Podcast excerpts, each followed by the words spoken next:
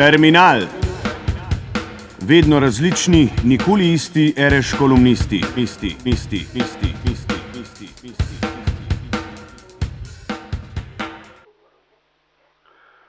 Muzika, zvok, razredi, dezintegracija. Bolj ko se poleg vseh drugih vojn zaostruje tudi razredna vojna, očitnejša ko je, več je tudi ignorance in posmeha, ki zadevata njen obstoj in pomen. To ni v zadnjih 180 letih, odkar lahko na Zahodu sledimo teoriji družbe in z njo kmalo zatem še teoriji razredov, seveda nič novega. Novost ni niti pojav to vrstne ignorance na polju kultur, ki je kajpak staro in izvrstno plodišče za hitre in obenem zgrešene, nevarne ideologije. On dan smo tako obiskali tretjo izdajo festivala Neposlušno v Moščanskem kulturnem centru Španski borci. Celo v scenskem kontekstu proste improvizacije in improviziranega performansa, ki sta že po notranji strukturi svoje družbene naravnanosti oziroma nujnega muzično-socialnega angažmaja nagnjena dovolj v levo, je bilo precej snovi za današnji razmislek.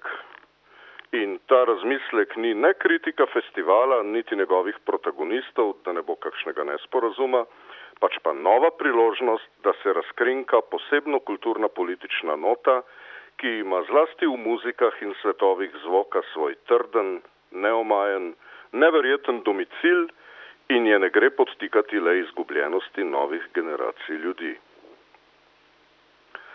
Ko je festivalski gost, trombonist in skladatelj Radu Malfati med predavanjem načel svojo notranjo, muzikološko, mestoma celo psihološko zgodbo o tem, zakaj in kako je nehal špilati in se odrsko pojavljati po starem in postal predvsem skladatelj, se ni ozrl k problemu, ki se je govorcu tehle povedi zazdel dovolj ključen, ne mara celo bistven.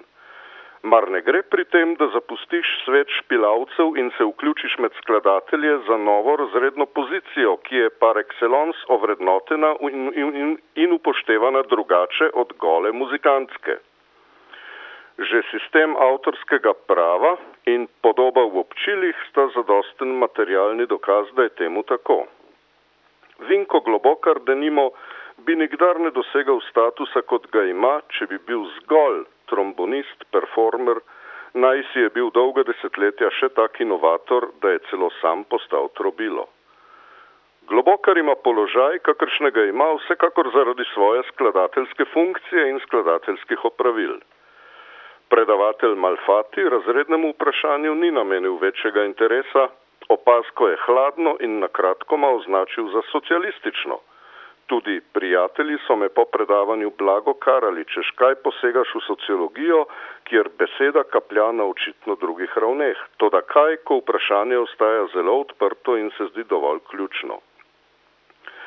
Ne gre, da bi po nepotrebnem evocirali epohalnost, toda edini, ki je v hipu razumel, kaj hočem sprožiti z razrednim vprašanjem, je bil francos.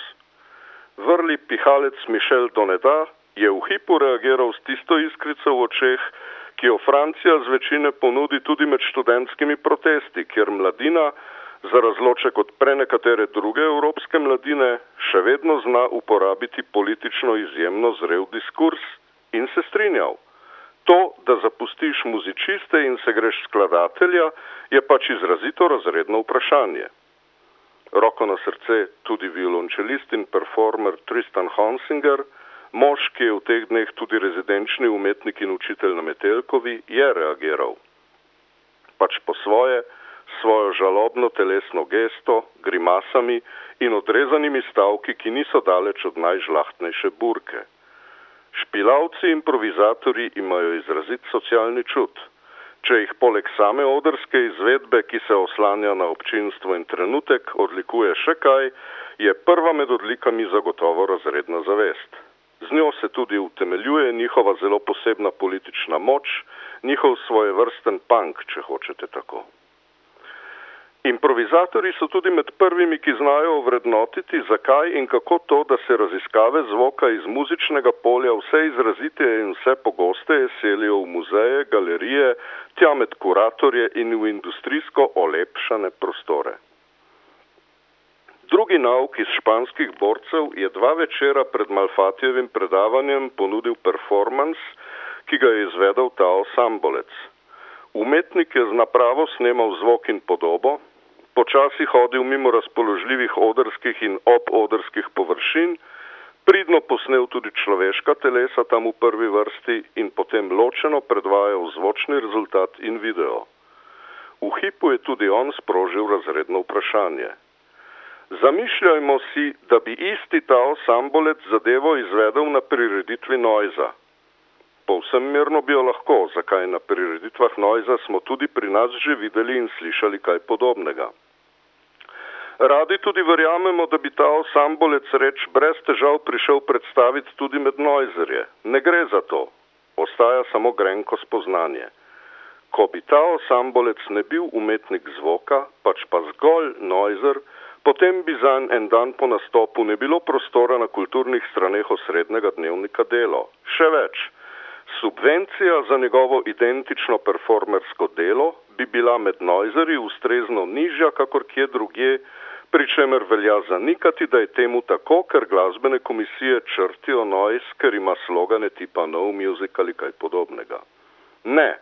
Kulturna politika je strukturirana tako, da zna na račun umetnosti kar dobro in vedno bolj razvrednotiti muzike. Gre za spontano ideologijo, ki ve, da mora biti umetnost postavljena v umetniški kontekst, sicer ne obstoji.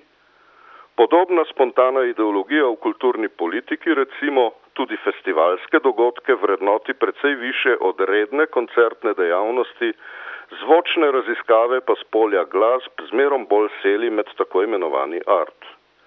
O tem, da skladateljsko delo ceni precej bolj od muzikantskega, ne kaže niti zgubljati besed, saj vendar živimo v okolju, kjer se spontani ideologiji približa še realistična dezintegracijska politika, čež da je klasična glasba vredna več kot vse druge glasbe skupaj.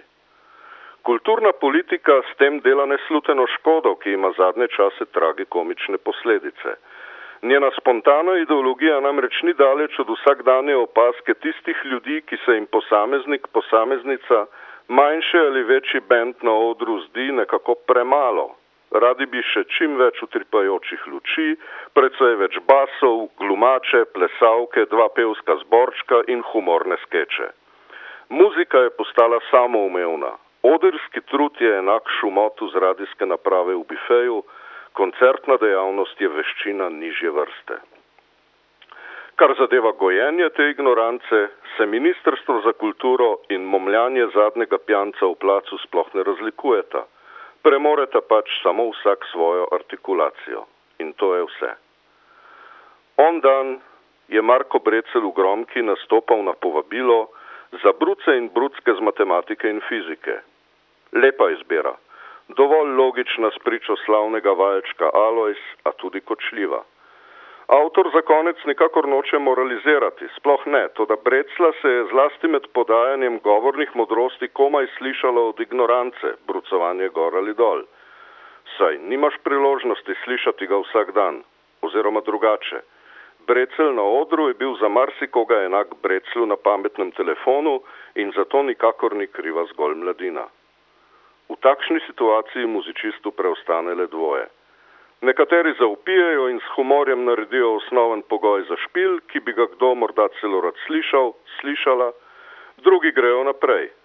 Brecel se je odločil za slednje. Ustrajal je pred svojim specifičnim kabinetom ravno prav glasnih zvočnikov in do dobro razsutega feršta in izvedel odličen špil, ki je imel mimo grede povedano celo strunarske momente. Bil je pač izjemno dobre volje, vsa njegova jeza se je naselila v pretanjeno dozirano distorzijo. Zdravo.